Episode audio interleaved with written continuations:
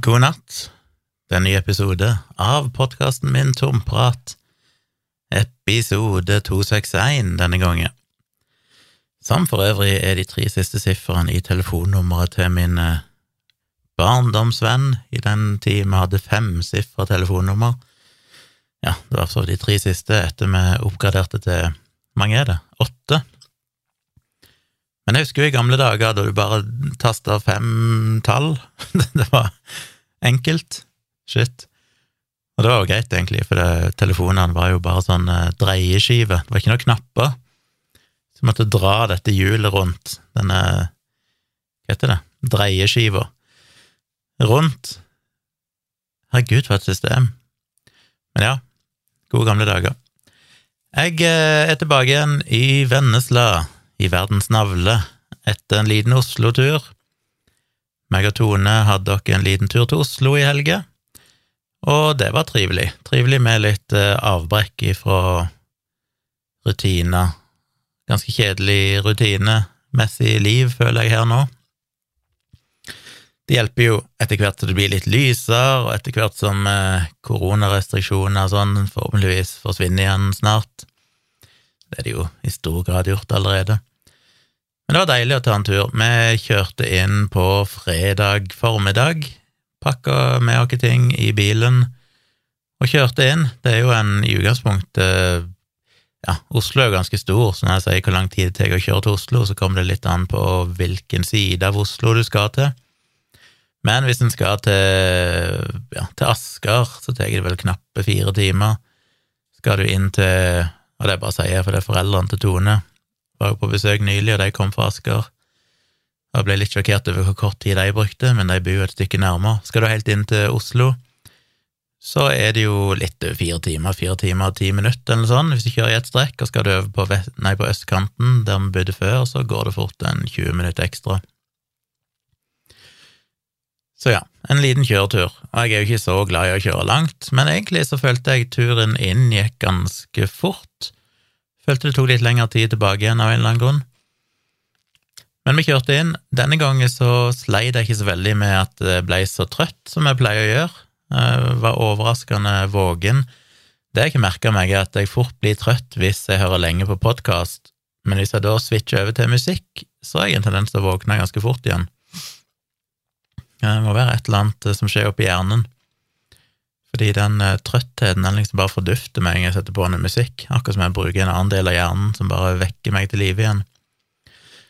Så vi kjørte jo inn, selv om det teknisk sett tar litt over fire timer, så tar det en del lengre tid, fordi vi liker å stoppe litt, vi gjerne lade uh, et eller annet sted på veien, og sånn. Så det blir som regel ja, det nærmer seg fort fem timer totalt, med litt pauser og sånn. Vi har jo med hunden, og den må jo strekke litt på seg et par ganger, og, og litt sånn. Så en grei tur.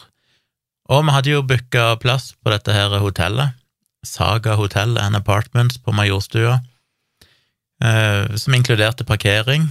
Nå fikk vi jo en mail dagen før der det var sånn hei, parkeringen var førstemann til mølla, så de kunne ikke garantere noen ting. Og det var litt sånn eh, men det var jo hovedårsaken til at vi valgte det hotellet.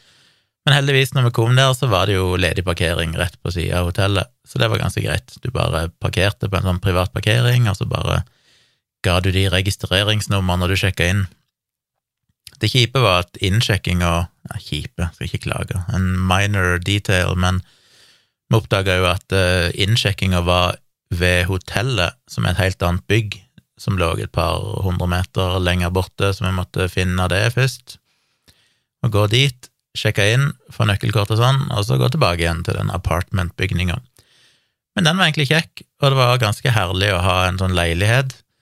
Den var ganske fin og stor, jeg husker ikke helt hvor mange kvadrat den var, men det sa jeg kanskje sist, var den 30, noe sånt? Grei størrelse, iallfall. Eh, egen sitteavdeling, eget lite kjøkken, lite bad, det var alltid kjekt å ha et lite kjøkken, fordi de hadde jo en liten uh, Nespresso-maskin der, riktignok bare med tre kapsler, men jeg kjøpte rett og slett en pakke med Nespresso-kapsler som vi hadde mulighet til å lage litt mer kaffe i, og så tok vi jo bare med det som var til overs hjem, for jeg har jo en Nespresso-maskin her nede i studioet mitt, så det var greit. Og veldig greit å ha et kjøleskap, hvis en kjøper litt snacks og sånn, og drikker og sånn, så kan en ha det i kjøleskapet. Og det var to TV-apparat der inne, og dette var ikke noen fancy leilighet, det var det billigste vi fant, men eh, måten leiligheten var bygd opp på, så hadde de valgt å ha to TV-er, fordi de hadde en dobbeltseng som på en måte sto i den ene halvdelen av rommet, og der du kikka inn mot veggen, så der hadde de et TV. Og så på andre sida av rommet, liksom bak ryggen av senga, der var det en sånn bitte liten skillevegg som dekka akkurat baksida av senga, men du kunne gå på hver side av senga da, til jo liksom stua, for å kalle det det. Der var det en stol, en liten sofa og et lite bord, eh, og der hadde de et annet TV på veggen, så du kunne jo sitte der og se på TV. Og så var det samme fjernkontroll til begge, så det var jo virka litt overdådig med, med to TV-er på så lite rom. Hadde de bare designa det litt annerledes, så kunne de fint klart seg med ett TV, men, men sånn var det.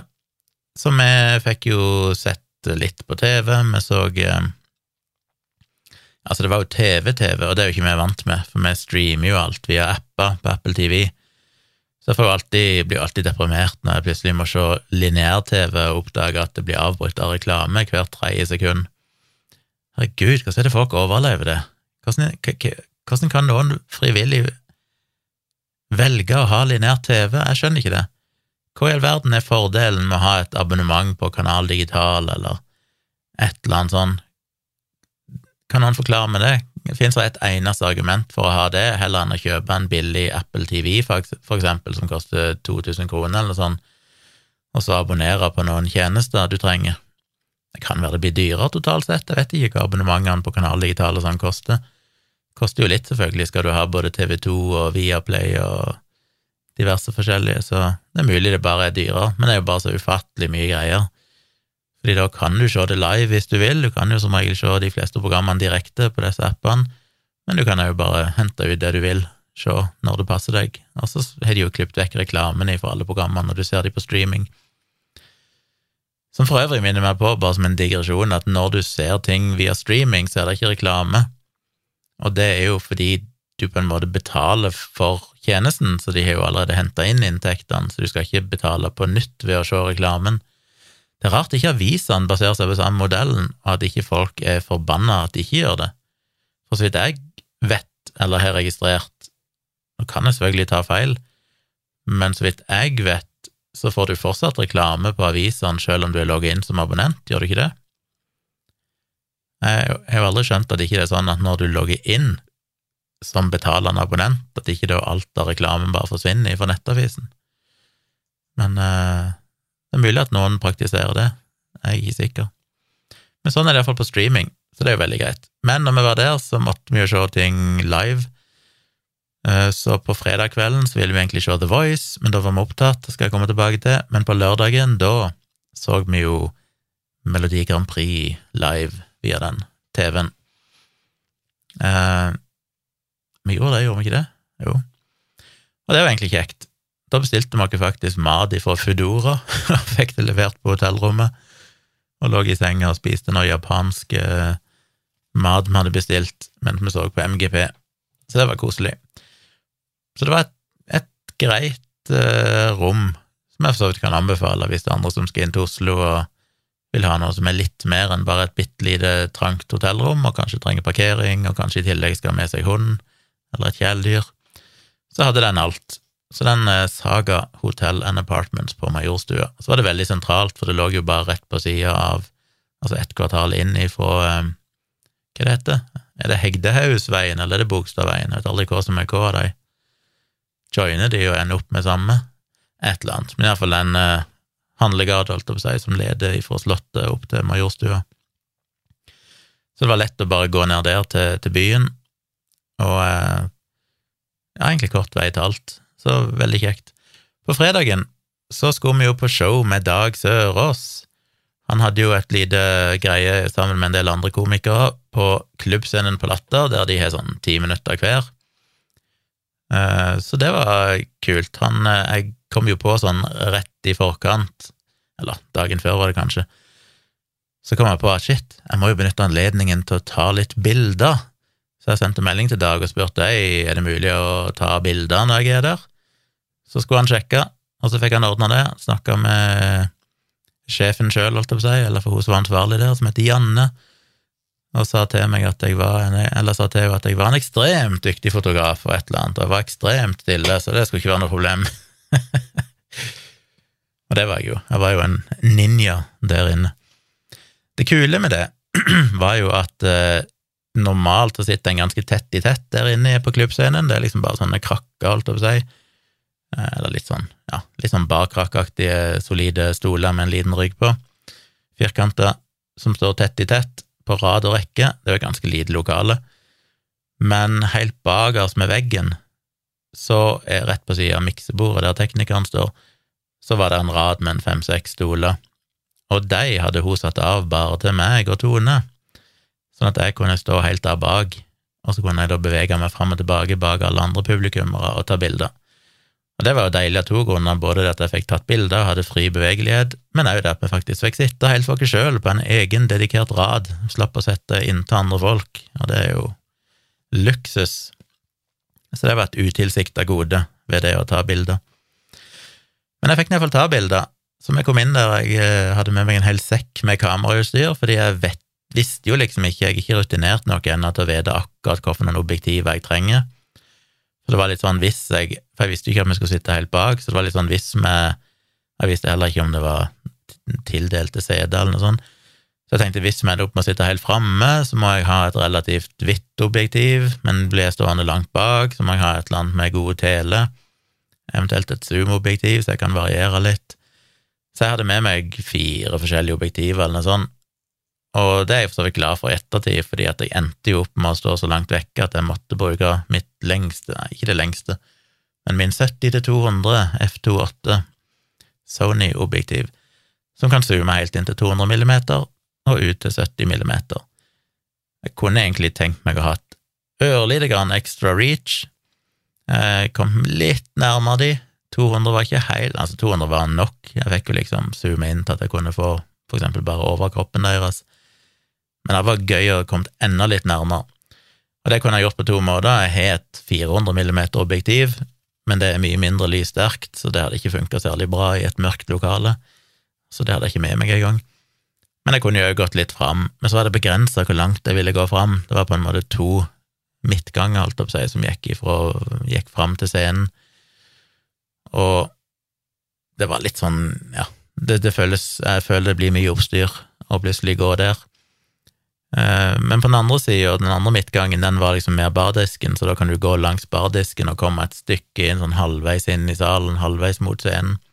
Så jeg gikk inn der et par-tre ganger, men da ender du opp med å bli stående foran folk som sitter bak deg, altså ikke rett bak, du, du eh, skygger ikke for utsikten, men de er bak deg sånn geografisk, selv om de er til sida for deg. Så det betyr at, de, at de ser at jeg står og tar bilder, og det er jo alltid litt kleint. Mye greier å bare springe fram og tilbake på baksida, for da er det ingen som merker at jeg er der. Men eh, veldig kult. Jeg, syns jo det er så gøy å ta bilder. Så det å bare forstå det å ta bilder av komiker etter komiker var veldig kult. Og så fikk jeg teste ut det nye kameraet mitt. Jeg har jo fått min A24, Sony A24, som er det nyeste semiproffe kameraet deres. Altså det billigste av de proffe kameraene, for å si det sånn. Og det hadde jeg gleda meg til å teste ut, for hovedgrunnen til at jeg kjøpte det, var nok den nye autofokusen, at den har en mye kjappere prosessor, og dermed er mye bedre på å fange opp øyne på folk. Så når jeg begynte å ta bilder, så var jeg først litt sånn ah, dette her var jo ikke så mye bedre enn A23-en som jeg hadde før, og for så vidt har et kamera av ennå. Jeg hadde to av dem, jeg har solgt det ene nå på finn.no, men jeg har ett igjen.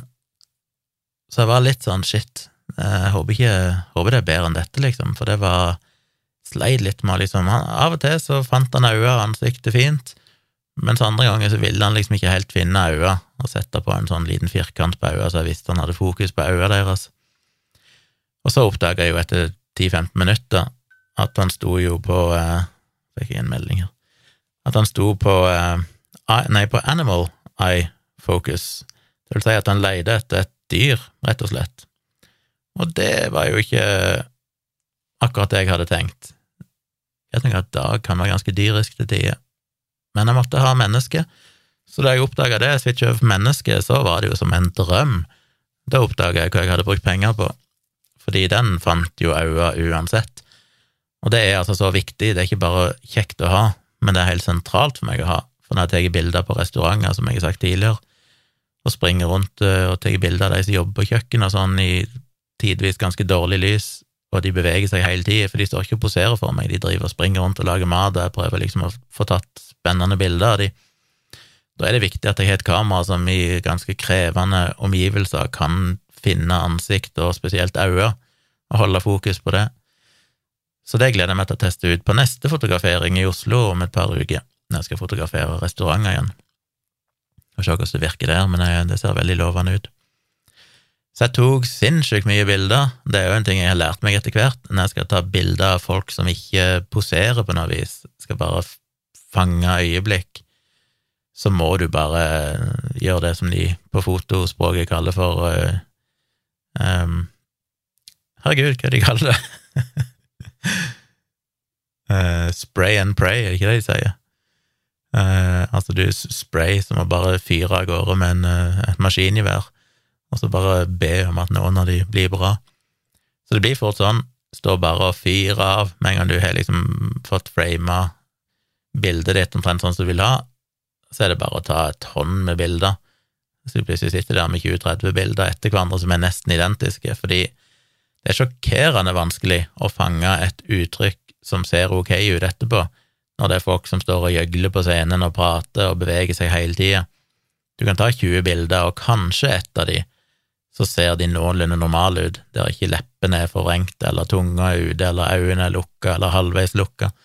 Så det å fange det ene bildet der de kanskje smiler litt, eller har et interessant uttrykk, og begge øynene er vidåpne, det er krevende. Det kan du ikke time, for det skjer så fort at du kan liksom ikke stå og vente til du sier 'Å, der, å, nå skal jeg fyre av et eh, bilde'. Da treffer du aldri, da blir du for sein. Så du må egentlig bare spray and pray. Og det har jeg lært meg nå. Jeg dreide meg nok ut på det i starten, da tok jeg altfor få bilder. Sånn at jeg kom hjem og tenkte jeg hadde fanga de beste motivene, så kom jeg hjem og så sånn å shit, der er øynene halvveis lukka, å der ser jo litt teit ut, å der ser ikke bra ut. Så det ble mye bilder.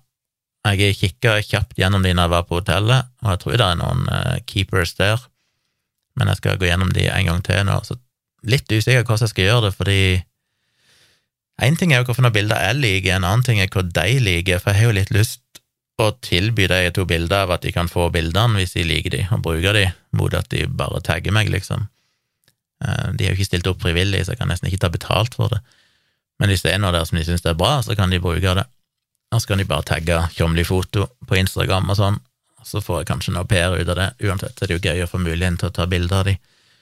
Så jeg tenkte å gi det til de, så jeg har vel en plan om at jeg skal bare gå kjapt gjennom og velge ut de bildene som ser ok ut, de som ikke er mislykka, og så egentlig laste de opp i ett galleri til hver komiker, altså for Dag, som sikkert har kontaktinformasjon til de, eller har de på Messenger eller et eller annet sånt, og be han sende link til de, og så kan de gå inn, og så kan de velge ut de bildene de syns er bra, og så kan jeg eventuelt redigere de litt. Men det var en annen ting som var så fantastisk med dette kameraet. Det er mulig det bare var tilfeldig av lokalet der, for det er jo ganske Ja, det er Lokalet er vel blå scenetepper, litt sånn eh, Ja, hva skal du kalle det? Litt sånn eh, ja, glinsende, silkeaktig blå sceneteppe, og så bak så var det et sånt svært LCD-skjerm. Jeg sier LCD-skjerm, aner ikke hvilken skjerm det var, men en eller annen svær skjerm som hadde en sånn reklame for latter som var et sånn dypt rødt sceneteppe med latter i hvite bokstaver på. Så det var så djupe, fine farger med den djupe blåfargen på siden og den djupe rødfargen bak de, som alt var veldig lyst og fint. Så når jeg så på bildene etterpå, så var det bare sånn shit, de her bildene ser jo så bra ut rett ut av kamera. Så om det er fordi at det nye kameraet bare er enda litt bedre i bildekvalitet og farger, eller om det bare var tilfeldig at de fargene i bildet var veldig fine akkurat der jeg tok de, det vet jeg ikke, men det føltes som at dette her trenger jeg egentlig ikke redigere, det er jo bare å, å kjøre på. Så det blir jo spennende. Jeg skal ta bilde på restaurant neste gang og sjekke hvordan bildekvaliteten blir, om jeg merker noe forskjell. Det skal ikke teknisk sett være noe spesielt bedre bildekvalitet, anten at det er 33 megapiksler, i motsetning til 24 megapiksler på det A23-kameraet. Så skal det være litt annen color uh, Hva de kaller det? Eh, ja, en litt annen fargeteknologi, som er, men den er så subtil at jeg tror neppe det er en sånn store forskjellen. Men det var gøy, iallfall. Så jeg får se om jeg Det var kult hvis noen av disse komikerne Det var jo Jeg husker ikke navnet på alle. Det var Dag, og så var jo Christer Torjussen, han var jo konferansier og gjøgla litt imellom. Og så var det han Ole So, er det han heter? Og så Det var vel eneste jeg visste hvem var. Og så var det en kvinnelig komiker som jeg ikke har navnet på, som visstnok tror jeg var ganske ny, hvis jeg skjønte det rett. Hun var veldig morsom. Burde egentlig ha googla dette, så jeg kan gi dere navnene. Skal se om jeg klarer å multitaske her, noe som menn generelt sett jo ikke klarer.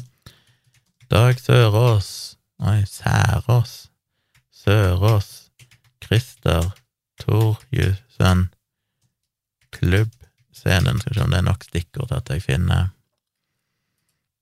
det så ut til å være riktig. Sånn cirka. Hæ? Um, jeg tror kanskje hun dama heter Frida Homlung, kan det stemme? Og så var det en som heter Sjur Koppen. Og så var det en til. Hva var det han eh, hette? Forestillinger Nei, det er ikke forestillinger jeg skal på. Restaurant og bar, middag og show. Ingen av de. Standup på klubbscenen må være den. Standup på klubbscenen. Anyway. Jeg vet ikke hvordan jeg finner Finner det riktige greiene her. Men iallfall, det er iallfall noen av navnene, tror jeg. Så det var kult. Så vi fikk tatt en del bilder. Det var bra show, morsomt. Dag var ikke helt fornøyd. De hadde jo show både klokka seks og klokka åtte. Vi var på åtteshowet. Dag fikk oss gratis billetter. Og Dag var visst veldig fornøyd med klokka seks-showet. Han har jo noen greier som er ganske drøye, blant annet om å voldta sin egen mor i Kongo og litt sånne morsomme ting, som visstnok hadde falt veldig i god jord på klokka seks-showet, men på det showet vi var klokka åtte, så følte han ikke han fikk helt den responsen som, eh, som han hadde håpet på, eller som han hadde fått tidligere. Og det er et eller annet med meg og Tone, jeg tror vi gir litt dårlig mojo til Dag når vi er der. For det samme skjedde jo når vi var på turnéshowet hans på Rockefeller i høst. Da òg var det sånn at han hadde jo satt et veldig bra show, jeg vet ikke om det var før eller etterpå, men akkurat det showet vi var på, så var det jo så labert, mente han, og han han legger jo ikke skjul på det på scenen heller. Da sier han jo ifra at 'oi, shit, det der gikk dårlig', og dette var Det er jo litt morsomt at han bare sier rett ut 'det var helt ræva'. Og her, var, her syns ikke folk dette er morsomt i det hele tatt, men, men jeg syns det var morsomt. Det er jo bra. Jeg syns egentlig alle komikerne som var der, var bra. Så det er jo noe å vurdere, gå på standup på klubbscenen. Etterpå så møtte vi Dag i baren, og der var òg, jeg tror det var han Sjur Koppen, håper ikke jeg sier feil nå, med den ene andre komikeren som jeg ikke har sett før, og Krista Torjussen, som jeg og Dag og Sjur og Tone vi satt et par timer der fram til de stengte, og prata.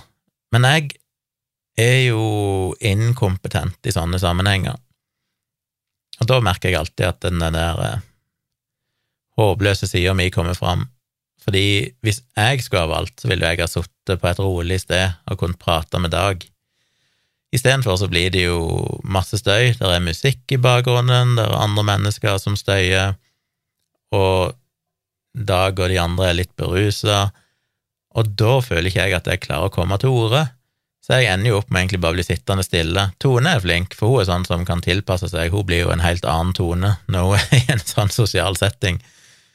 Da blir hun jo eh, Tone med verdens beste selvtillit, og det er liksom ikke måte på, og hun prater og ler og kjører på. Jeg klarer ikke den switchen der, og jeg føler at jeg prøver å si ting av og til. Jeg blir sittende og tenke på ting, og så sier jeg 'dette skal jeg si', og så føler jeg aldri det er noe tidspunkt som passer for at jeg sier det, for det er alltid noen andre som prater, og så vet jeg at hvis jeg plutselig bryter inn og sier det, så vil det alltid bli kunstig og feil på en eller annen måte. Det kommer ikke ut sånn som jeg skulle ønske det kom ut. Det blir ikke naturlig flyt i det. Og så når jeg prøver å si noe, så føler jeg alltid at jeg ikke blir hørt. Et eller annet med stemmen min som bare ikke bryter igjennom, selv om jeg føler jeg snakker høyt. Det er akkurat som at folk bare Ja, Jeg, har ikke en feststemme, rett og slett. Jeg har ikke en sosial stemme. Jeg eh, funker ikke i sånne greier der det er flere enn to, maks tre mennesker.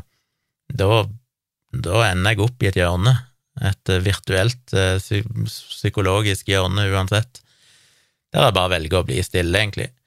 Så det var ikke så mye jeg sa. Jeg ble stort sett, jeg blir liksom automatisk en observatør og bare sitter og ser på de andre. Bestilte meg en drink. På Latter så selger de jo bare én type drinker, og det er gin and tonic i forskjellige varianter. Det er litt sånn, ja, med alle typer drinker så lenge det er gin and tonic. Så utenom gin and tonic så er det jo øl, og så har de liksom rene ting, whisky og sånne ting, men det liker jeg ikke. Jeg vil helst ha en eller annen cocktail, men alle var gin and tonic-baserte med forskjellige smaker, så jeg endte opp med å bestille en, husker ikke hva det var. Og den var helt ok. Jeg er ikke så fan av gin and tonic i utgangspunktet, men med den smakstilsetninga, husker ikke hva det var, var det hyllebærblomst, hylleblomst, hyllebærblomst, eller var det en eller annen? Et eller annet iallfall, som var helt ok. Så jeg satt og sippa litt til den, jeg, mens jeg så på de andre, og hørte på de andre prate. Så eh, det var gøy. Endte jo opp i noen absurde diskusjoner mellom Dag og Sjur. Og jeg ler alltid så av Dag når han blir engasjert. Det er altså så morsomt. Han blir jo Ja. Guess you'd had to be there. Så det var trivelig. Så gikk vi, ja, og når vi var der, så måtte vi jo ha barnevakt for Kyla. Og ja, så glemte jeg å si at før vi var på standup, gikk jo meg og Tone ut og spiste på en restaurant på Aker Brygge som het, heter Asia. Jo, man heter Asia. En asiatisk restaurant som var veldig grei. Jeg bestilte diverse sushi, fordi jeg var ikke mer original. Det er liksom der jeg er, fordi at jeg spiser jo ikke kjøtt, men jeg spiser fisk. Så da har jeg to alternativer på restaurant. Det er enten bestille et eller annet som er helt vegansk eller vegetarisk, eller tillate meg å bestille et eller annet sjømat. Og sushi er godt, og jeg liker å prøve sushi på forskjellige plasser, for ofte så kjøper jeg ganske sånn sånn yo-sushi, et eller annet billig Billig er det ikke nødvendigvis, men uh, et eller annet som ikke er spesielt fancy sushi. Så hvis jeg først er på en litt finere restaurant, så er det litt kult å bestille sushi for å se hva de gjør. Og det var det definitivt verdt, for dette var jo en sushi som var veldig annerledes enn det jeg er vant med. Eller sushi er sushi, holdt jeg på å si. Jeg bestilte fire nigiri med laks og fire nigiri med en eller annen fisk som jeg ikke husker husker nå. Var det halibut, eller et eller annet sånt? Og så en sånn spicy maki roll med kingfish, eller noe sånt. Eh, den maki-rollen var helt grei, den var ganske kjedelig, men Nigerian var gode, og det som var spesielt, var vel egentlig soyasausen. For normalt så har du soyasaus som er soyasaus, men her hadde de blanda i noe lime eller sitron, og det funka som eh, bare knall. Det å dyppe sushien i denne blandingen av eh, soya og et eller annet sitrusgreie var utrolig. Det ga en helt annen opplevelse. Så veldig god sushi, det må jeg si. Jeg bestilte òg et par drinker der. En tok jo et eller annet som vel var en Var den jo gin-basert? Et eller annet med passion fruit, eller Nei, jeg husker ikke hva det var for noe, men den var ekstremt god. Og så hadde jeg en annen drink etterpå som ikke var fullt så god, men òg var for så vidt god en eller annen vodkabasert uh, drink. Så det er liksom meg. Jeg kjøper omtrent aldri alkohol, men hvis jeg er på en restaurant, så kan det være jeg bestiller meg en en eller to cocktails. En sjeldenhet, men det er liksom den eneste alkoholen jeg liker, det er hvis det er en eller annen god drink. Så vi var der og spiste først, og så gikk vi på showet, og så hang vi med Dag og de etterpå i baren på Latter. Og mens vi gjorde alt det, så kunne vi ikke ha med hunden, så Tone hadde jo fått hjelp av ei venninne i Oslo som hun ble kjent med for ikke så veldig lenge siden, kort tid før vi flytta, egentlig, eller i fjor sommer, kanskje. Og hun syns det er så stas å ha Kyla, som jo er rene luksusen for oss, fordi det er jo et dilemma når vi er i Oslo, at har vi med oss hunden, så er vi jo litt handikappa, det er litt begrensa hva vi kan gjøre, det er vanskelig å gå ut og spise på kvelden og sånn, fordi ingen plasser aksepterer jo å ha med hunden inn. Så eh, det å ha en eh, frivillig barnevakt i Oslo er utrolig praktisk. Synd for henne, så var nok ikke Kyla så enkel å ha med å gjøre, kanskje litt fordi hun har løpetid og er litt ekstra sånn ekstra mammadalt, men hun er jo veldig mammadalt i utgangspunktet. Så hun har jo Hun Line, som hun heter, hun venninna som passa Hun har passa Kyla en gang før, når jeg var på den eh, debatten på Universitetet i Oslo, eller Gamle universitetet, om dette med overgrepsregister og sånn. Da gikk hun en tur med Kyla i et par timer mens meg og Tone var på det. Men denne gangen så tok hun med seg Kyla hjem, for det ble jo en del flere timer. Eh, så det var nok litt uvant for Kyla. Og Kyla har jo en merkelig innebygd radar slash kompass. Hun vet alltid hvor Tone er hen i verden, uansett hvor hun er. Og det jeg merka når jeg gikk tur på, med henne på Haugenstua sånn, så hvis vi gikk tur, uansett hvor jeg gikk hen, sjøl når ikke jeg lenger visste egentlig hvor jeg var hen, hvis det var en sidevei som leda i retning av huset vårt eller leiligheten vår, så skulle Kyla ned der. Og jeg kan ikke fatte hvordan hun visste at de sideveiene leda til, eller var i retning av leiligheten vår, men det visste hun alltid. Jeg visste det ikke. Men jeg skjønte umiddelbart det at når hun ville inn der, så etter å ha tenkt meg litt om, så ja, shit, den leder jo faktisk tilbake igjen til oss. Så hadde jeg noen gang gått med vill i Oslo, så er det jo bare å følge Kyla. Hun hadde funnet tilbake igjen, for hun skal tilbake igjen, uansett hvor hun er. Selv om hun går på plasser hun aldri har vært før, så vet hun akkurat hvilke veier som fører tilbake igjen til leiligheten der Tone er. Så om det er at du kjenner en eller annen lukt på eh, ekstremt lange avstander, eller om hun bare har et sånn innebygd kompass som fuglene er, gudene vet. Men det samme hadde jo Line opplevd når hun gikk med Kyla. Uansett hvor hun gikk hen, da gikk jo Kyla plass hun aldri hadde gått før, hun bodde borti gamle Oslo eller noe sånt, så visste hun alltid hvilken retning eh, Aker Brygge var, der hun sist hadde gått ifra Tone, og liksom hele tiden snudde seg og ville tilbake akkurat der. Så Line var helt sjokkert, hun òg. Jeg tror ikke Kyla fant helt roen Hun tok henne med hjem en liten stund i leiligheten sin, men Kyla slo seg ikke helt til ro. Men det er nok en vanesak. Det er jo utrolig kult om Line kan og vil passe Kyla flere ganger. Forhåpentligvis så, så slår Kyla seg til ro etter hvert hos henne, og det er bra. Den er uansett ikke Line sin feil, stakkar, det er bare Kyla som er så ekstremt mammadalt. Hun trenger egentlig å, å lære seg å være litt vekke av og til. Det samme problemet har vi her, fordi eksen min og dattera mi de kan jo i teorien passe Kyla òg, hvis vi skal reise vekk. Og det må vi lære opp til, for på et eller annet tidspunkt så kommer vi nok til å reise ikke bare til Oslo, men andre plasser, utlandet og sånn, der det er vanskelig å ha med seg hund. Og da trenger vi noen som kan være barnevakt for henne. Men da må vi lære henne til å kunne være andre plasser, så vi må begynne en sånn prosess og venne henne til å være enkelte andre plasser der det er greit å kunne ha henne. Så anyway, det ble en Jeg skulle ikke egentlig snakke noe særlig om dette, men det ble en, en lang prat om Oslo. På lørdagen så surra vi rundt og bare kikka litt på ting. Jeg kikka litt etter nye briller, som jo er et helvete å finne. Jeg klarer aldri å bestemme meg, det er helt grusomt, og det er så forpliktende valg, for det er liksom briller, du har det rett i trynet, det er det første folk ser, og du skal ha de ganske lenge, og de koster mye penger. En ekstremt vanskelig avgjørelse å ta. Så jeg eh, fant nå et par som jeg tenkte var ok, men eh, jeg må uansett ha en synstest før jeg bestiller, så jeg booker en synstest til neste gang jeg skal til Oslo.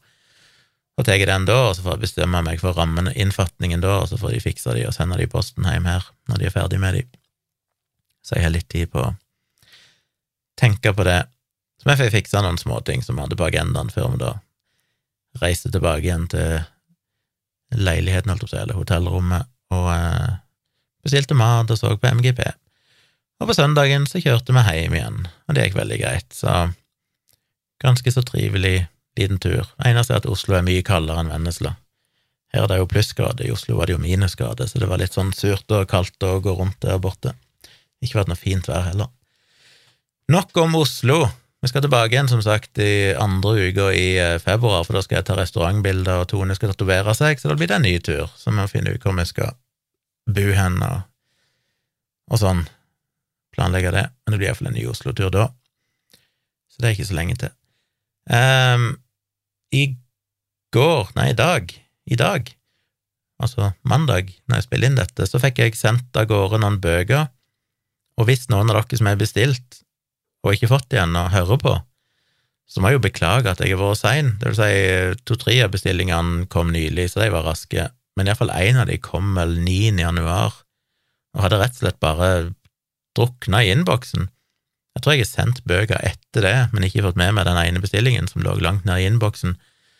Så det er litt flaut at det tar så lang tid, for vedkommende har jo betalt via VIPS for lenge siden og sånn, og så har de ikke fått bøker. Men de er, hvis du hører på, så er de på vei. Skal være der om et par dager, regner jeg med. Så de fikk jeg sendt. Jeg fikk òg henta meg en eh, pakke med vape, eh, det vil si e-sigaretter. Jeg har fått litt diller på sånne engangs e-sigaretter.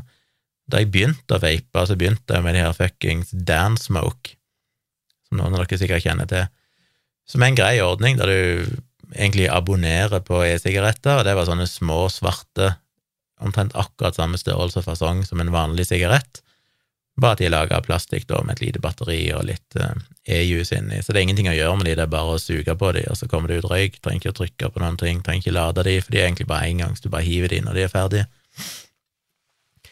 Det vil si, det var vel ikke helt sant når jeg tenker meg om. Det var vel sånn at eh, sånn tre fjerdedeler av sigaretten var et batteri som du måtte lade på den, og så bestilte du på en måte filter, holdt opp seg, altså bare den siste fjerdedelen, som var selve smaken og ja, som inneholdt selve e-juicen, og så skrudde du bare de på den batteridelen, og så ble det til en sigarett. Anyway, de var ganske tafatte, men jeg visste jo ikke bedre da, det var det første jeg prøvde, og digga de i starten. Men det er ikke mye røyk som kommer ut av de. De var ganske svake og daffe. Eh, men veldig praktiske fordi de er så små. Det var lett å ha med seg, liksom. Problemet med den der modden som jeg har nå, som er de sånne svære, gigantiske, der liksom selve håndtaket inneholder to svære batterier og er jo nesten like stor som en sigarettpakke i seg sjøl, og så er det den tanken oppå, da, der du fyller i e-jus og sånn, den er mye mer grisete. For eksempel den tanken blir jo praktisk talt aldri helt lekkasjefri. Det vil si, han lekker ikke til vanlig, men hvis du tar den med deg på et fly, for eksempel, der det er litt trykkendringer, så lekker det alltid ut jus. Så de gangene jeg har hatt med meg det sånn her på fly, så har jeg som regel surra rundt sånn uh, torky, eller sånn, ja, tørkepapir, rundt hele dingsen, som absorberer alt av jus som måtte lekke ut, putter det i en ziplock plastikkpose, så den er helt tett, og så pakker jeg den, eller ikke i kofferten, for det er ikke lov å sende det i bagasjen, du må ha den i håndbagasjen, men da har jeg den i håndbagasjen en eller annen plass. Og så er den ganske stor og tung, og du må ha med ei flaske med e-juice i tillegg, og du må ha med lader eventuelt, og batterier, og det er mye styr å ha med. Så oppdaga jeg jo at verden er gått framover siden sist, og eh, for jeg hadde jo et opphold med vapinga, men så har jeg begynt litt igjen nå, i håp om at jeg skulle redusere snusinga. For tragisk tilfelle. Må ha nikotin, må bare variere hva jeg får de for. Så jeg eh, tenkte jeg skulle prøve det, så sist jeg bestilte, så bestilte jeg noen få sånne engangssigaretter som nå finnes i forskjellige varianter, som er ganske små. Noen av de er omtrent som de i Dansmoke, altså på størrelse som en vanlig sigarett. Noen er bitte grann større, litt større diameter, runde. Andre er mer flate. Eh, de kommer i forskjellige fasonger, men poenget med de er at de er engangs, så de inneholder batteri, de inneholder e-juice med en spesiell smak, og det er ikke noen ting å gjøre, det er bare å pakke de ut og suge på de. Så kan du ofte suge, de, de skal vel holde en sånn 400 kanskje trekk, så de varer ganske lenge, selv om det varierer litt fra modell til modell, eller merke til merke. Men jeg oppdaga at det var egentlig ganske kjekt. Det er veldig kjekt å ha med seg på tur og sånn, fordi ja, har du med deg én, så varer det en del dager, så det, det holder, en bitte liten en. Du kan gjerne ta med deg tre-fire, så er det litt variasjon, og du har iallfall nok så det holder lenge og sånn. Du slipper det med lekkasje, du slipper å ha med noen ladere, tunge batterier, e-jus, alt dette her. Så jeg gikk jo bananas her etter jeg oppdaga at de var litt kule, så da gikk jeg inn og la inn en ny bestilling, og bestilte en del av nesten alle merkene de hadde, for jeg ville finne ut hvorfor noen er det egentlig som er best, så jeg vet hva jeg skal bestille i framtida. Så jeg fikk jo en svær eh, konvolutt, holdt sånn A4-konvolutt, polstra konvolutt, som var bare lessa full av sånne vet ikke hvor mange det var, sikkert 50 forskjellige eller noe sånt. Så jeg har så det varer en stund, men jeg måtte teste det ut, og prøvde ut ganske mange forskjellige smaker, og jeg må si jeg liker de. Alle jeg har prøvd så langt, er gode og praktiske, så de digger jeg. Så det kommer nok til å bli en eh, Jeg mener, de er jo, de er jo livsfarlige for en sånn gadget-freak som meg, for de er, jo, de er jo bare så yndige. Liksom bare designet på de, filen av å holde de, størrelsen på de, de er bare så fine og deilige, jeg får liksom bare lyst til å bestille de bare for å ha de. Men ja, så jeg har iallfall fått et tonn av de. Jeg har òg vært og kjøpt meg fluortabletter. Jeg var hos tannlegen her på, i forrige uke, en eller annen morgen, torsdag, fredag, en eller annen dag, onsdag morgen var det kanskje i forrige uke, jeg husker ikke om jeg nevnte det i forrige episode, men det var iallfall det. Teste ut ny tannlege, og ble jo egentlig påminnet atter en gang at uh, jeg har nok litt uh, slitasje på emaljen, spesielt på ei tann, og det har jeg jo hørt mange ganger før, og fått beskjed om å bruke fluorskyld, ikke den du kjøper i butikken, for den er for svak, men den du kjøper på apoteket, som er omtrent ti ganger sterkere eller sånt, med fluor. Så jeg gjorde jo det veldig slavisk en periode, så gjorde jeg det over mange måneder, brukte det hver kveld, men så har jeg vært dårlig på det i det siste igjen. Og så har jeg fått dårlig samvittighet, og så var jeg hos tannlegen, og så påpeker hun det igjen med emaljen, og så tenker jeg fuck, jeg må skjerpe meg. Men så nevnte tilfeldigvis Tone at hun hadde hørt Kristoffer Schou sa i en podkast at han var blitt sånn gammel mann, og så hadde begynt å suge på fluortabletter, begynt å tenke på helsa si. Og da slo det meg plutselig shit, fluortabletter, ja, gjør det samme susen, egentlig? Så jeg spurte på apoteket og sa du, det, blir det et fett om jeg bruker fluortabletter eller munnskyld, så sa hun ja, det gjør det egentlig. Så da kjøpte jeg rett og slett fluortabletter for å prøve å styrke emaljen litt. Jeg tenker jeg skal ligge og suge på dem før jeg er på kvelden. Det er ganske praktisk. Så det skal jeg teste ut i kveld for første gang, se hvordan de fluortablettene funker. Eller jeg kommer ikke til å merke så mye hvordan de funker, forhåpentligvis funker de, det vet jeg jo aldri, men om de er behagelige å ha i kjeften. Jeg eh, nevnte jo i forrige episode, vel, at jeg hadde blitt frelst på Opera, nettleseren, der har jeg snudd. Så lenge varte det. Jeg likte nettleseren, men det ble et for stort handikap at de fuckings ikke har støtte for bookmarks i mobilversjonen. Og jeg bare fatter det ikke. De har det på Android, så kjører du Android, kjør på, da skal Opera være bra. Men på iPhone, altså IOS, så har, selv om appen er fin og rask og god, og egentlig likte appen, så er det ikke støtte for bokmerker.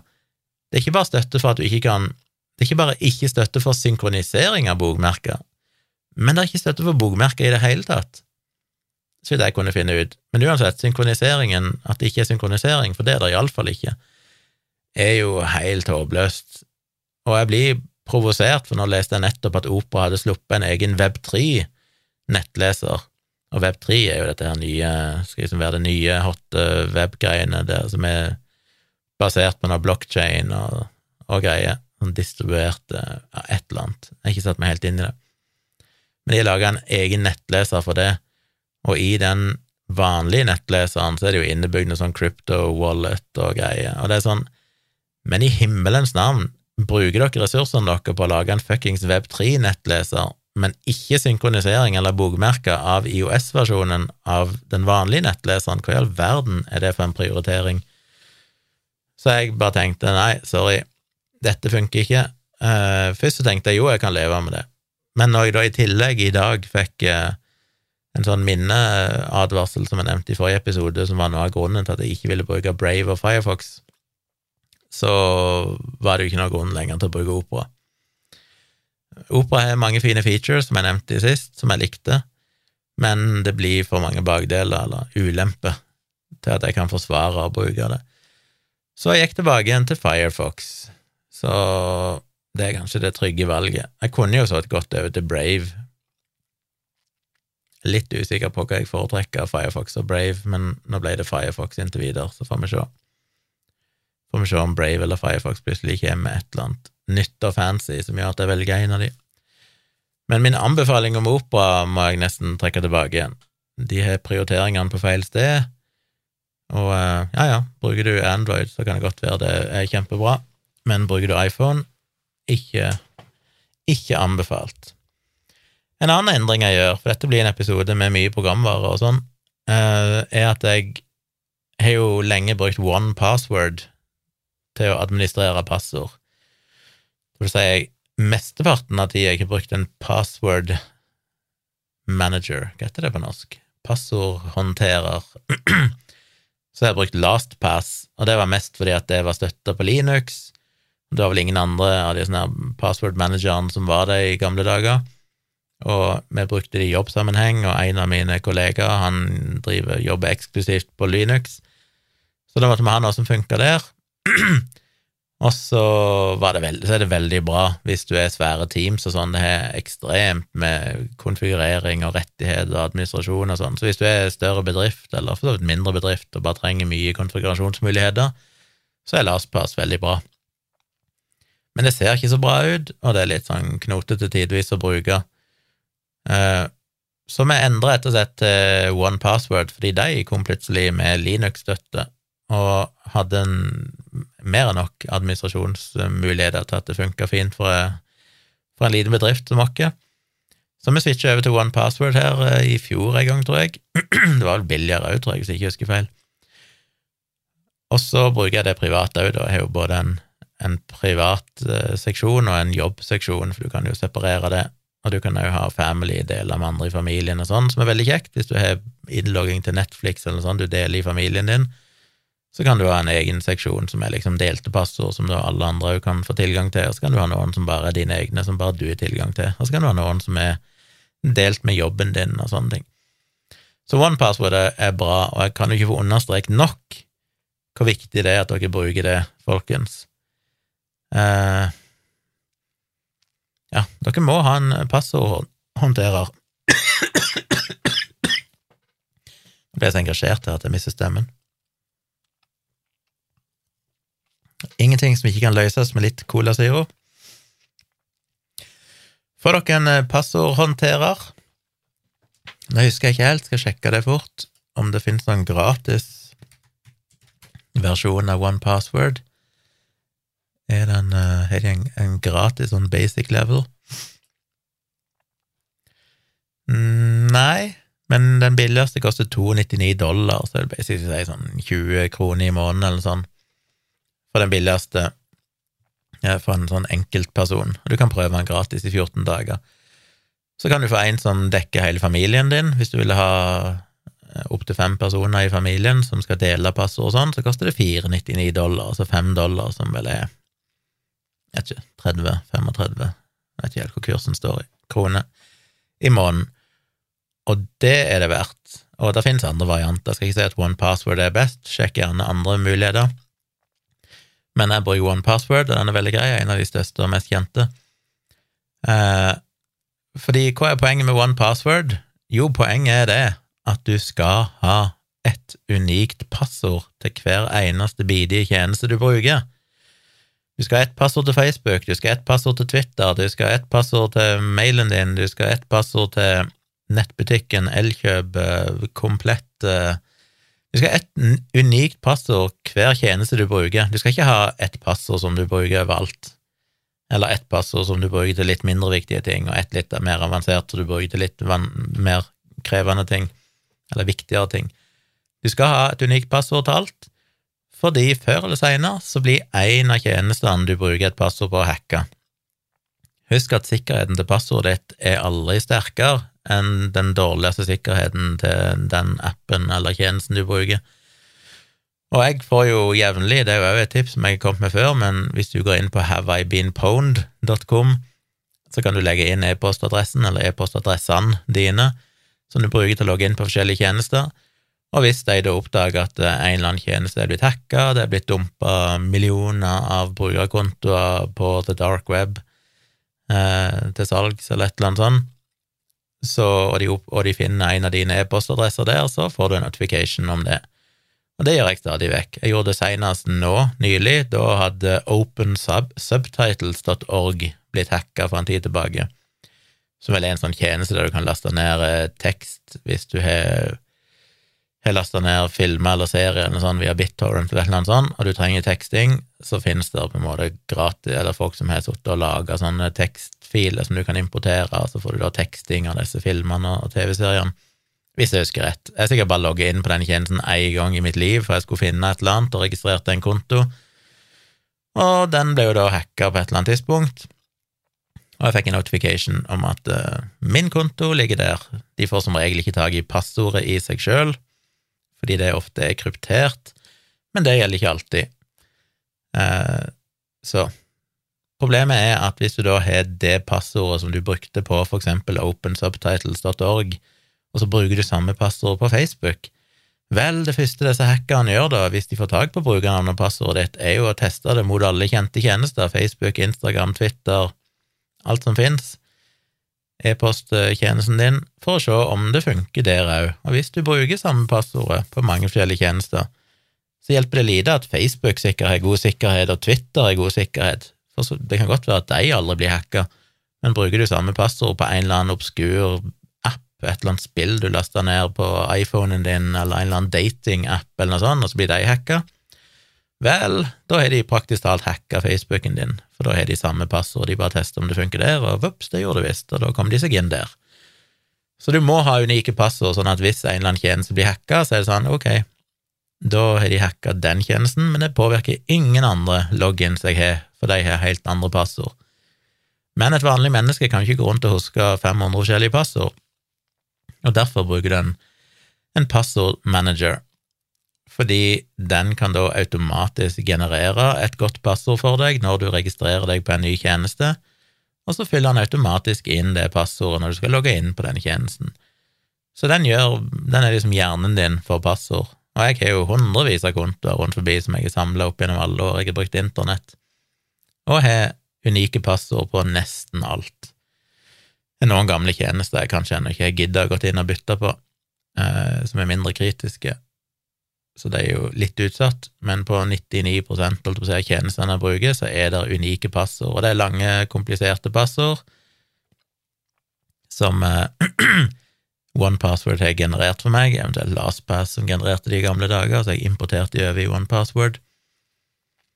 Og så, ja, helt supert. Og da fungerer det som en plug-in i nettleseren. De har plug-ins til alle nettlesere. Det, det finnes som en egen app på mobilen, eh, og det er jo tett integrert. For eksempel på iPhone så er det integrert med passordfunksjonen der. Så når det kommer en login, så bare trykker du på password på tastaturet, og så åpner den automatisk one password. Autentiserer deg med Face ID, for eksempel. Du trykker OK, holdt jeg på å si, og så fyller han automatisk inn brukernavn og passord der du skal.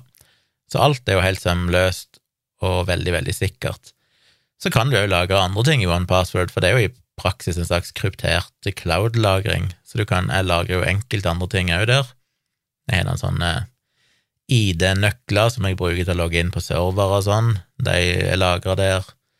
Jeg har lagra Det bør kanskje ikke si høyt, bare glem det. Jeg har aldri sagt det. Nei da. Um, jeg har Hva annet jeg? Jeg har kredittkortene mine der, sånn at han automatisk kan fylle inn kredittkortinformasjon, ja, og litt forskjellige ting som ligger der. Så det er utrolig praktisk. Det eneste jeg ikke har hatt der, som har gjort at jeg måtte ha hatt en egen app, det er jo tofaktorautentisering, som dere òg, for guds skyld, må aktivere alle plassene det er mulig å aktivere det. Eh, og det betyr jo i praksis at etter du har logga inn med brukernavn og passord, så må du gjøre én ting til, og det er at du må fylle inn en sånn one time password, altså et, som regel et tall, som regel et sekssifra tall, som er gyldig bare i ett minutt. Så det endrer seg hele tida. Så da må du gå inn på den tjenesten du bruker, hva nå det måtte være, og så et eller annet sted, hvis de støtter det, så aktiverer du one time password, og da får du som regel opp en QR-kode som du må skanne med den eh, one time password-appen din, og så genererer han da en login der med et unikt tall som endrer seg hvert minutt. Så hver gang du skal logge inn, så må du åpne den appen, se hvorfor et tall som er relevant akkurat nå, taste det inn, og så kommer du inn. Og det er jo veldig kjekt, for det betyr at hvis noen skulle hacke og få tak på brukernavnet og passordet ditt, så kommer de fortsatt ikke inn hvis ikke de i tillegg har stjålet mobilen din og har tilgang til den appen, og da i tillegg òg klarer å logge inn på mobilen din der du forhåpentligvis òg har et godt passord eller Face ID osv. Så, så det gir jo en mye større grad av sikkerhet. Problemet er at det er litt tungvint. Du trenger som regel ikke bruke one time password hver gang. Som regel så gjør du det første gang du logger inn, og så kan du krysse av at den skal godkjenne akkurat den nettleseren på den maskinen i for eksempel 30 dager eller noe sånt, så du slipper å oppgi det hver gang. Men eh, det er litt tungvint, fordi nå i mange år når jeg har brukt det, jeg bruker for tida en app som heter Authy, A-U-T-H-Y.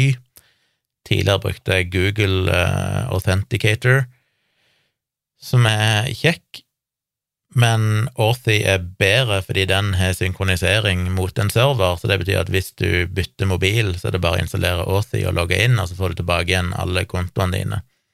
Med Google Authenticator så var det jo et helvete når jeg fikk ny mobiltelefon, for da måtte jeg gå inn på alle tjenestene og deaktivere tofaktorautentisering, og så aktivere det på nytt med den nye mobilen, fordi appen er liksom bundet til mobilen din av sikkerhetsårsaker. Mens med Authy, Authy, så kan du flytte de fra device til device uten at det skaper noen problemer. Men det betyr jo fortsatt at jeg måtte hele tida opp med mobilen og liksom banke i det. Du må liksom opp med mobilen og gjøre et eller annet for å kunne logge inn et eller annet sted. Men det One Password har, og jeg tror kanskje LastPass òg har det, er at de kan automatisk fylle inn den one time password-koden din hvis du legger til de forskjellige kontoene i OnePassword. Så det har jeg begynt en prosess på nå, at etter hvert som jeg møter en av de tjenestene der jeg må generere et one time password, så logger jeg først inn ved hjelp av å hente ut koden fra mobilen, men så går jeg automatisk inn på innstillingene og deaktiverer det og reaktiverer det, og den gangen så setter jeg eh, one password heller til å ta over kontrollen.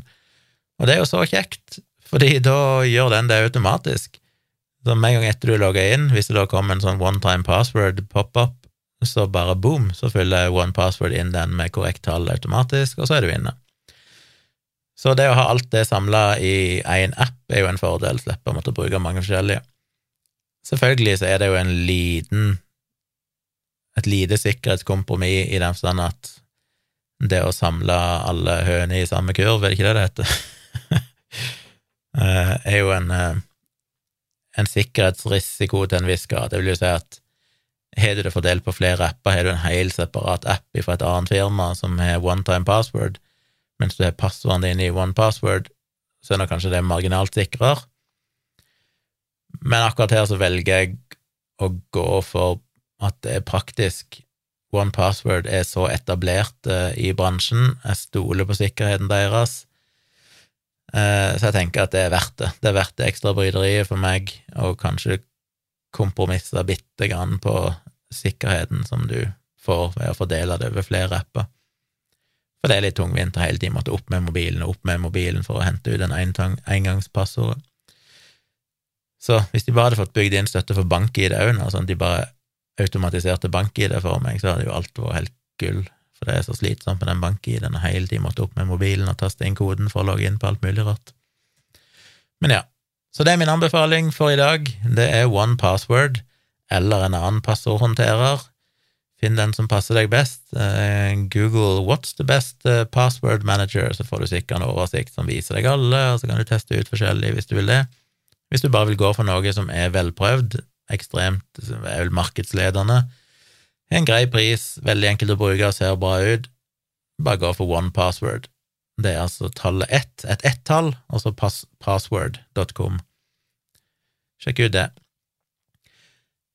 Hvor lenge jeg snakka nå? Jeg tenkte egentlig jeg skulle uh, Jeg har jo egentlig en time, men uh, kanskje jeg får spare det til neste gang. Jeg tenkte egentlig jeg skulle ta en liten vandring i appenes verden, og rett og slett gå litt gjennom apper jeg bruker, for jeg snakket jo litt om det i forrige episode. Da snakket jeg litt om Spark, som er e-postklienten min, jeg snakket om eh, cloud-lagringa og sånn.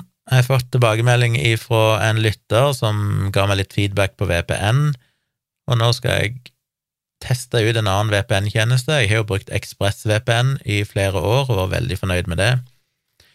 Og noen rangeringer rangerer det som den beste, men ifølge en rangering han kom med, som kanskje er enda litt mer seriøs, så nådde ikke ExpressVPN helt opp, og har enkelte ting som er kanskje ørlite grann tvilsomt. Så jeg skal teste ut en annen tjeneste nå, og se om den eh, duger, og kanskje det blir billigere for meg òg, rett og slett og det er alltid bra hvis du kan bytte til noe som er enda billigere og bedre. Så det skal jeg. Men jeg tenkte å ta en liten vandring, ja, og han sa at han satte jo pris på det. Jeg har faktisk fått tilbakemelding fra et par andre som sa de syntes det er interessant å høre. Så i denne episoden så ble det ikke så mye vitenskap og kritisk tenking. Jo, jeg vil si det er kritisk tenking å tenke sikkerhet og passord og sånn òg. Men jeg tenkte jeg skulle gå gjennom en del av de appene jeg bruker, og bare snakke litt om dem, for jeg tror noen av dere sikkert Jeg vet at jeg liker å se videoer på YouTube der folk eh, anbefaler apper som du bare må ha, eller apper som de bruker. For ofte så oppdager en jo 'oi, shit, den visste jeg ikke om', 'oi, den kan gjøre livet mitt lettere'. Så ting som kanskje er selvfølgelig for meg, er kanskje ikke selvfølgelig for dere. Og som en added bonus, når jeg anbefaler apper, så er det sikkert noen av dere der ute som sier at ja, men uh, denne appen er faktisk enda bedre. Og så anbefaler dere tilbake igjen til meg på mailen min, tompratpodkast at gmail.com. Tar alltid imot feedback der. Så hvis dere vil høre det, så satser jeg på å prøve å gjøre det i neste episode, ta en liten vandring gjennom appenes verden, snakke litt om de appene jeg bruker, og hvorfor jeg bruker de, og så håper jeg dere kommer med tilbakemeldinger i kjølvannet av den episoden. Jeg snakker mye om One Password. Jeg skal, skal legge en link til One Password. Er det en sånn affiliate-greie, så jeg kan faktisk tjene noen kroner på det? Det vet jeg ikke. Hvis de er det, så legger jeg en sånn link der, så er dere advart. Men mest sannsynlig blir det bare domenet deres, så dere kan gå inn der, hvis ikke dere har skjønt det allerede ut ifra det jeg har sagt. Den siste beskjeden jeg må gi, er at det blir ikke, så vidt jeg vet, noe livestream tirsdag kveld, altså i kveld når denne episoden kommer ut, fordi jeg må jobbe. Det, vi skal gjøre en større oppgradering eller serverflytting på jobben min, og skal begynne på kvelden og jobbe utover natta, så da passer det dårlig med livestream. Så med mindre det plutselig blir utsatt et eller annet sånn, så blir det ikke livestream. Blir det livestream, så oppretter jeg jo den tidligere på kvelden eller på ettermiddagen, sånn at dere ser at den ligger klar inne på YouTube-kanalen min, tvilsomt med Tjomli. Så hvis dere ser den, så blir den. Men eh, hvis ikke dere ser den, så er det rett og slett fordi jeg må jobbe. Kanskje jeg da ender opp med å gjøre det på onsdag istedenfor at jeg tar den etterpå. Det får vi se. Det får dere bare følge med på YouTube-kanalen min. Det er bare å abonnere, vet du, og skru på varslinger og sånn, så får dere med dere når jeg kjører live. Og så må jeg minne dere på å støtte meg inne på Patron, patron.com slash tjomli. Det er jo noen som har begynt å ja, muligens flytta tilbake igjen for kritiske tenkere, eller bare blitt nye patrons, fordi dere får jo denne podkasten litt ekstra tidlig, og uh, uten reklame, inne på Patron. Det har vært minst én som har påpekt at den feeden med, med podkast ikke oppdaterer seg. Det vil si, hvis du da abonnerer på Patron-podkasten i en annen podkast-app, for eksempel Pocketcast eller noe sånt, så dukker ikke nye episoder opp, det vil si ingenting dukker opp siden juli i fjor. Det klarer jeg ikke gjenskape sjøl. Eh, jeg ba vel muligens om tilbakemelding på det for andre, jeg har ikke fått det. Jeg vil gjerne høre hvis det er andre det virker for, for å finne ut om det bare er den ene brukeren som sliter, eller om dette gjelder alle. Så vær så snill, hvis dere abonnerer på podkasten min via Patron, så ta og send meg en melding enten inne på Patron eller send meg en mail til tompratpodkast at gmail.com og si at eh, hei, det virker helt fint for meg, jeg får alle de nye episodene. Hvis ikke det virker, send gjerne en melding om det òg, så jeg kan få bekreftet at det er flere det ikke virker for. Fordi det må jeg finne ut av. Jeg tror i så fall det kan være noe krøll med at jeg brukte Acast en periode, kobla opp Acast mot Patron, og så serva jeg podkasten min via den. Og så var det så mye bugs der at jeg endte opp med å fjerne det igjen, så nå har jeg gått tilbake til vanlig Patron, men jeg tror fortsatt at det er noe rusk i systemet der som henger igjen, som gjør at noen apper tror at det fortsatt skal gå via Acast, og så gjør det ikke det, og et eller annet styr. Så det er noe dritt, det der podkast-greiene. Og i denne anledning må jeg òg advare om at dette blir nok den siste episoden på den plattformen jeg er nå, som heter Podspace, denne podkasten blir jo utgitt av moderne medier, og moderne medier har lenge brukt en sånn podkast-publiseringsplattform som heter Podspace. Det er ingen betydning for dere hvor han publiserte publisert den, fordi dere får den inn i appen uansett, og han eksisterer jo både på Apple og Google og overalt. Men når jeg laster opp en podkast, så laster jeg den opp i Podspace, og så blir den distribuert, distribuert ut derifra. Men nå flytter de over til sin egen plattform, som de så vidt jeg skjønner, har laga sjøl, eller fått noen til å lage for dem, eller et eller annet sånt. Og det har vi allerede gjort med Virkelig grusomt, podkasten, men det førte til at uh, muligens bare Android-brukere, det er vi litt usikre på, men det er vel der de identifiserte så langt, ser ut til å slite litt med å få lasta episoder. Omveien der er jo bare å for eksempel bruke Spotify inntil videre hvis du vil høre episoden, og ikke får lasta den i appen din, så bare gå inn på Spotify og hør på Virkelig grusomt der, uh, i en episode. Forhåpentligvis er det fiksa om noen få dager, sånn at innen neste episode er ute, så skal det virke igjen. Men jeg bare advarer om at denne podkasten, Tomprat, nok òg blir flytta i løpet av denne uka, sånn at kanskje når episoden på fredag kommer ut, så er jeg på en ny plattform, og hvis det da ikke virker, så er du herved advart at eh, det er noe de jobber med å fikse. Um, inntil videre så må du da eventuelt bare høre den på Spotify eller noe sånt, så skal det virke etter hvert av seg sjøl, sannsynligvis. Det er et eller annet krøll i systemet der på den nye plattformen, så greit å kunne advare dere i forkant. Han skulle egentlig flytte denne podkasten i natt, men jeg sa at hei, jeg skal publisere en episode, så han venter, så han gjør det kanskje i morgen eller over i morgen eller sånn. Så da er dere advart om det òg. Så dette ble jo en, en, rar episode, men det ble nå en episode. Takk for at dere hører på. Jeg håper jeg ser dere inne på patronen min, patron.com slash tjomli. Da får dere som sagt uh, goodies der og denne podkasten. Du kan òg sjekke ut kritisketenkere.no.